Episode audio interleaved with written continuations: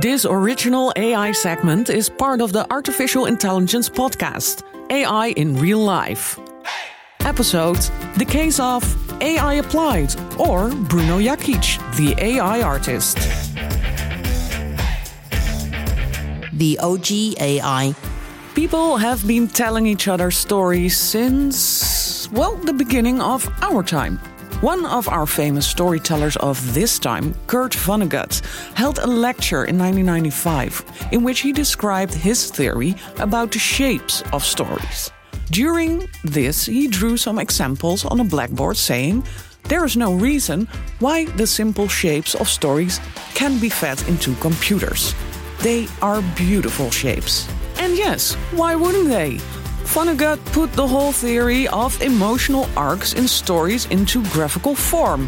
Think about story arcs like man falls into hole, man gets out of hole, and the more complex one boy meets girl, boy loses girl, boy gets girl. Story categorizing isn't something new. Aristotle did it some 2000 years before Vonnegut, and many followed.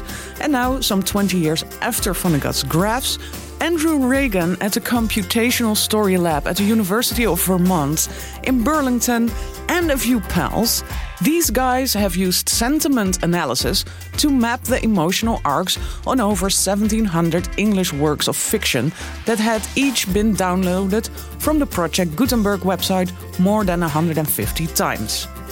What did they get? Well, six basic emotional arcs a steady, ongoing rise in emotional valence, as in a Rags to Riches story such as Alice Adventures Underground by Lewis Carroll. A steady, ongoing fall in emotional valence, as in tragedies such as Romeo and Juliet. A fall, then rise, such as the Man in a Hole story discussed by Vonnegut.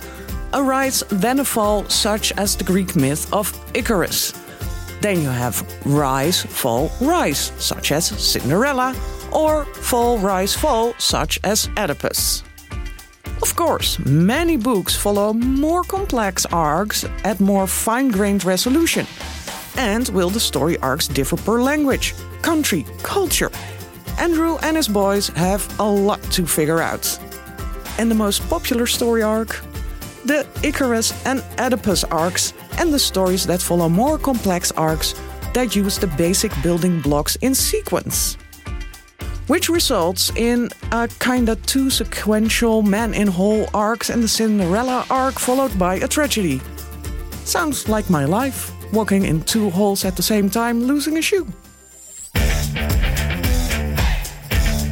Listen to the whole episode on bnr.nl slash AI podcasts or in your favorite podcast app.